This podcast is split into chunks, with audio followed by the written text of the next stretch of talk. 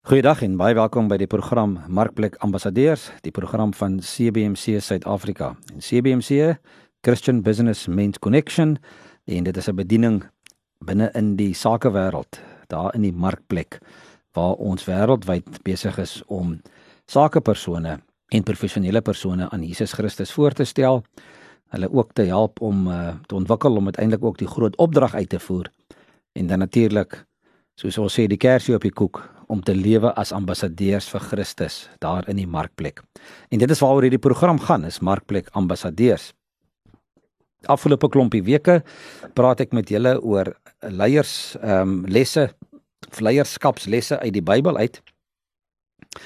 En ek wil vandag verder gaan en bietjie meer verder oor Dawid praat, uh, Dawid en en en Saul. En ons lees uit 1 Samuel hoofstuk 26 en ons weet van die probleme wat daar was tussen Dawid en Saul en Saul wat Dawid nie kon aanvaar nie en wat jaloers was op hom en ons het verlede week redelik in in detail daarna gekyk.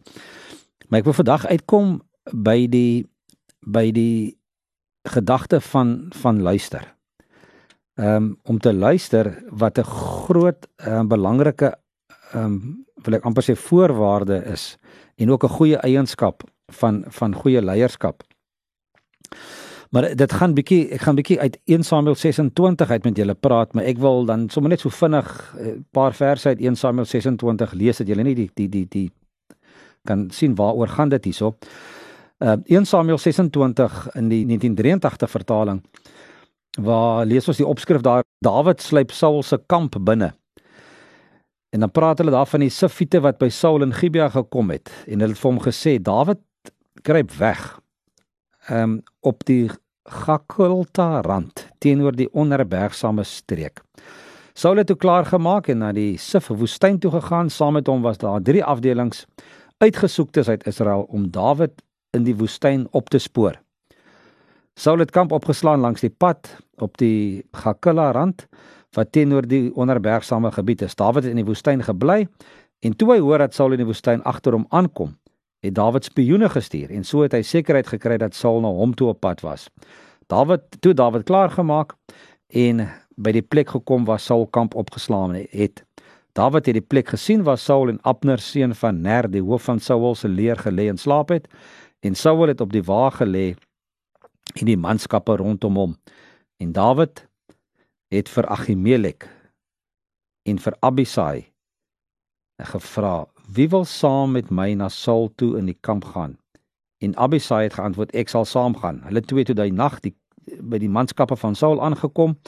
En Saul was vas aan die slaap op die water terwyl sy spies aan die kop en end in die grond gesteek was en Abner en die manskappe het rondom hom gelê en slaap. Abisai het vir Dawid gesê: God het jou vyand nou in jou mag oorgegee. Laat ek hom nou sommer hier met die spies in die grond vassteek. Ek sal hom nie twee keer 'n tweede keer hoef te steek nie. Maar Dawid het vir hom gesê, jy moet hom nie om die lewe bring nie. Want wie sal sy hand kan oplig teen die gesalfde van die Here en dan nog onskuldig wees? Dawid het ook gesê, so seker as die Here leef, die Here sal hom met 'n vroeë dood tref of sy tyd sal aanbreek en hy sal sterwe of hy sal gaan oorlog maak en hy sal omkom. Mag die Here my verhinder dat ek my hand oplig teen die gesalfde van die Here. Vat net die spies by sy kop en end en die waterkruik en laat ons dan hier wegkom. So wat sien ons?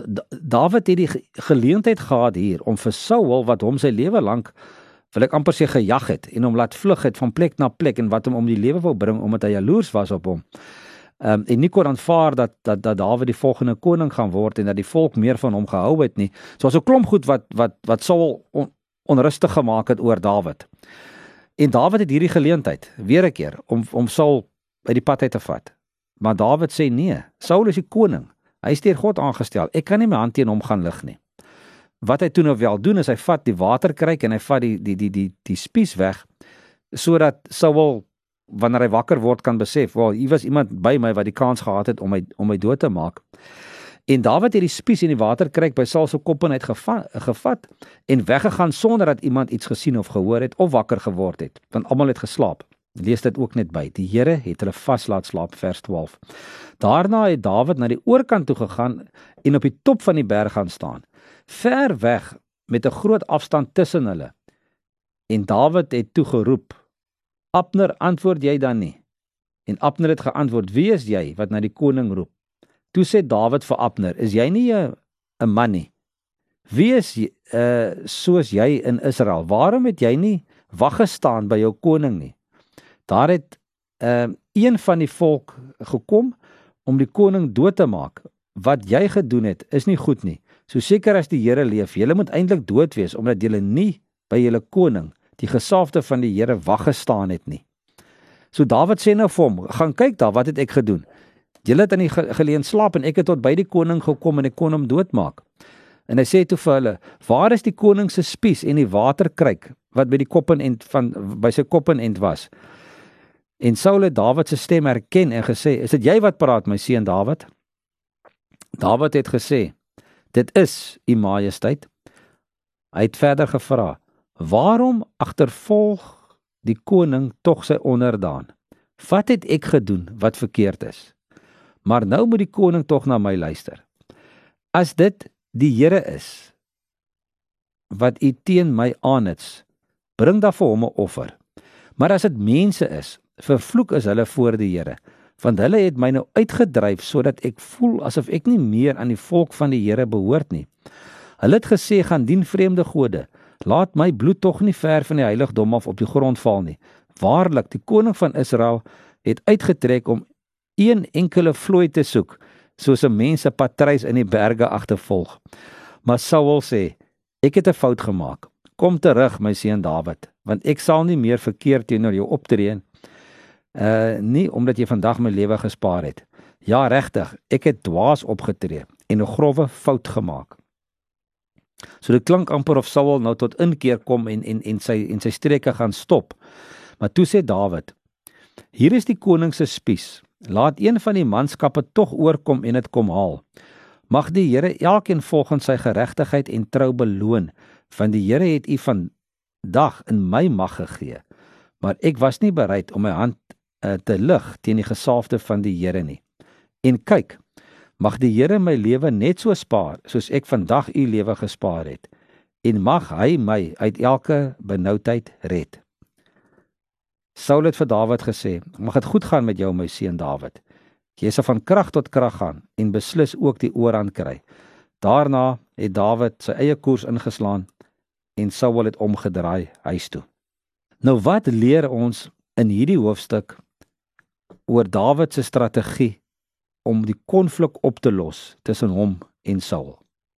En dit gaan daaroor om te luister onder andere na mekaar. Eers as leiers begin luister het, verdien hulle die reg om uitsprake oor hulle mense se lewens te maak. Luister mooi. Eers as hulle luister, begin leiers die reg verdien om uitsprake oor hulle mense se lewens te maak. Net as 'n mens na iemand luister, kan jy iets sê wat vir hom of haar van waarde is. Deur te luister, betoon jy natuurlik ook liefde, begrip, deernis en respek vir daardie persoon. So Dawid was 'n goeie leier omdat hy goed geluister het. In 1 Samuel 26 wat ons nou net gelees het, lees ons hoe hy 'n tweede keer die geleentheid gekry het om Saul se lewe te neem. Julle sal onthou die eerste keer was mos nou in die in die grot waar hy toe nou net die uh, punt van sy mantel afgesny het. Dawid het vir Saul bekruip terwyl die koning Saul geleen slaap het. Maar hy het hom nie doodgemaak nie. Hy het net Saul se spies en sy waterkruik gevat en hom toe van ver af met hom gepraat en vir hom vrae gevra. En hierdeur het Dawid bewys dat 'n leier wat luister oor ware liefde beskik. Eerstens, ware liefde is nie altyd gewild nie. Want jy moet dit waag om anders te wees. Dawid se manne, ons onthou, hulle was die uitgeworpenes, daai 400 manne wat hy gehad het, die manne wat die verloorders was. En meer as een keer het hulle hom aangehits om vir homself te sorg en om vir Saul dood te maak. Want Dawid het geweier. 'n Mens moet versigtig wees hoe jy omstandighede vertolk en wie se raad jy aanvaar. Ware liefde verg ook ehm um, duidelike perspektief. Daar kort nederigheid. Nadat Dawid Saul se spies en waterkruik gevat het, het hy van ver af na die koning geroep. Hy het die koning met alle respek begin uitvra om perspektief te probeer kry. Hy vra vir hom: "Wat het ek gedoen?" Ons sal dit nooit reg kry om mense op die regte manier lief te kry tensy ons reg na hulle kyk nie. Met ander woorde, deur God se oë. Net op hierdie punt, Dawid kon maklik Saul uit die pad uitgevat het en koning geword het onmiddellik. Maar hy het nie.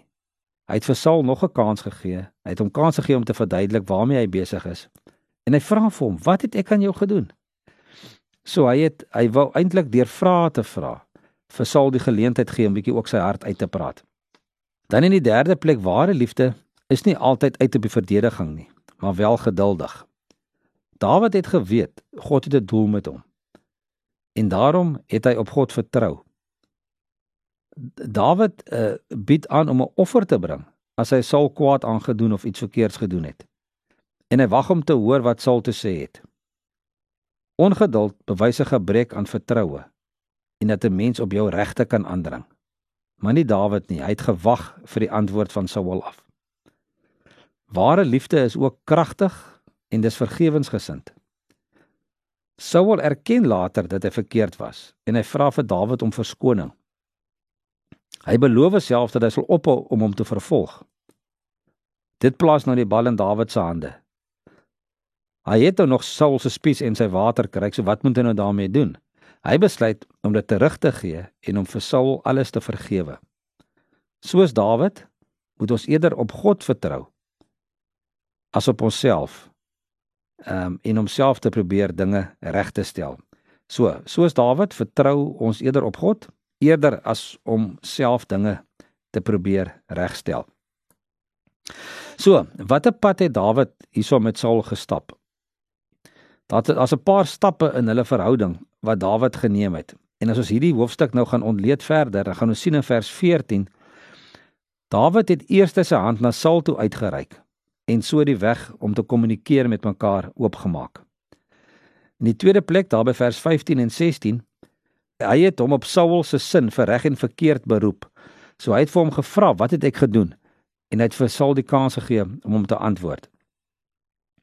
Dawid het vrae gestel en geluister na die uh, hart van van die koning. Ehm um, hy het hom gevra om te luister sodat hy sy kant van die saak kon stel. Dawid het onderneem om enigiets te doen om dit reg te stel as hy iewers iets sou verbrou het en hy het hom weer eens in vers 20 aan Saul wat die koning is onderwerp. En Dawid het aangebied om te versoen en te vergewe as 'n bevestiging van sy vertroue in God. En hoor wat sê hy in vers 22, ek wil dit weer lees. Hier is die koning se spies. Laat een van die manskappe tog oorkom en dit kom haal. Dan sê hy: Mag die Here elkeen volgens sy geregtigheid en trou beloon want die Here het u vandag in my mag gegee. Maar ek was nie bereid om my hand uh, te lig teen die gesalfde van die Here nie. En kyk, mag die Here my lewe net so spaar soos ek vandag u lewe gespaar het. En mag hy my uit elke benoudheid red. So die vraag is wat van jou en my? Het ons ander mense lief genoeg om na hulle te luister? Of ehm um, storm ons in en doen wat ons wil en ehm um, volg ons eie kop. Ehm um, of het ons mense lief genoeg? Ehm um, ag ons mense belangrik genoeg? Ehm um, en het ons genoeg respek om na mense te luister? Al is hulle verkeerd teenoor ons om te gaan sit en te gaan gesels en ook konflik op te los deur kommunikasie en deur die regte vrae te vra en deur te luister na na antwoorde. Nou ja, verder in 1 Samuel, ek wil graag 1 Samuel vandag vandag afhandel. Ehm um, En ehm um, ons lees hier in in in 1 Samuel is daar nog een stukkie wat ek met oor wil gesels en dit is oor vennootskappe. En ehm um, dit lees ons in uh, eh, 1 Samuel hoofstuk 30 daarvan vers 17 af. Dawid het van laatmiddag uh, tot die aand toe en dwarsteer in die vroeë oggend teen hulle geveg en hulle verslaan. Dis nou maar weer eens ehm um, maar 'n permanente ding mos maar gewees in daai tyd waar die ouens maar gereeld teen mekaar opgetrek het en en oorlog gemaak het om hulle gebiede te beskerm. En nie een uh, het ontsnap nie, behalwe 400 jong manne wat op kamele gery en gevlug het. Uh Dawid het almal wat deur Amalek gevat is gered. Hy het ook sy twee vrouens gered. Daar's niemand groot of klein seun of dogter vermis nie en ook niks van alles wat deur die Amalekiete gebyt is nie. Dawid het alles teruggebring. Hy het ook al die skape en beeste teruggevat. Sy mense het die goed voor hom uitgedrywe en hulle het gesê dit is Dawid se buit. Toe Dawid aankom na die 200 man uh wat te moeg was um, om agter hom aan te gaan, het hy uh wat hy laat bly het by die Besorspruit, het hulle vir Dawid en sy manne tegemoet gegaan. Dawid het nader gekom en die manne toe gevra hoe dit met hulle gaan. En nou staan vers 22 al die slegte en niks werd manne uit die groep wat saam met Dawid gegaan het, het opgemerk. Omdat hulle nie saam gegaan het nie, gee ons nie vir hulle van die byt wat deur ons gered is nie. Elkeen kan net sy vrou en sy kinders vat en loop. Maar Dawid het gesê: "Uh my broers, julle mag nie so maak nie. Wat het die Here nie alles al vir ons gegee nie? Hy het ons bewaar en die bende wat teen ons gekom het in ons mag oorgegee. Wie sal na julle en na hierdie voorstel luister? Nee.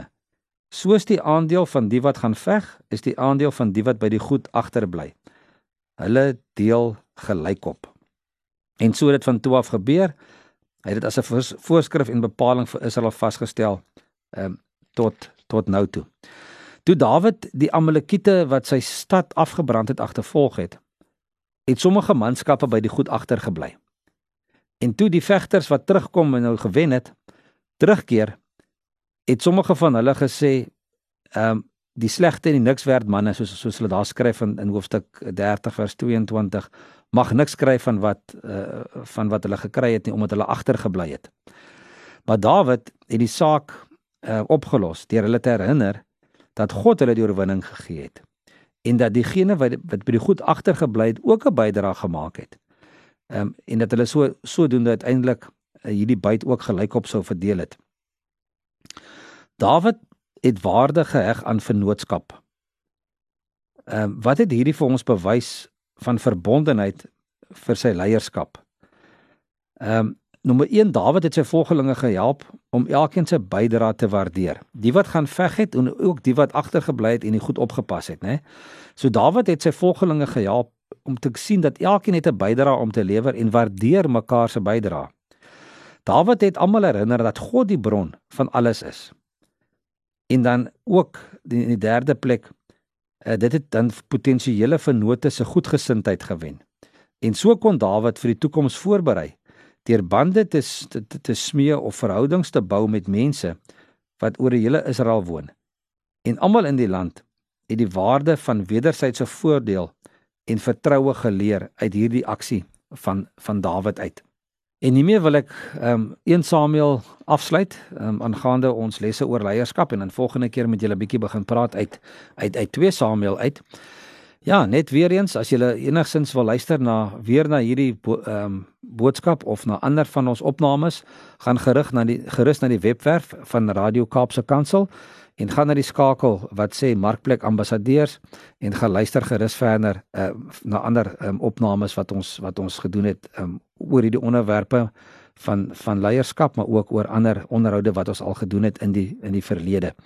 As jy met my wil kontak maak, ehm um, stuur vir my 'n e-pos. My naam is Harm Engelbrecht en my e-posadres is admin@cbmc .co.za en CBMC staan vir Christian Business Men's Connection.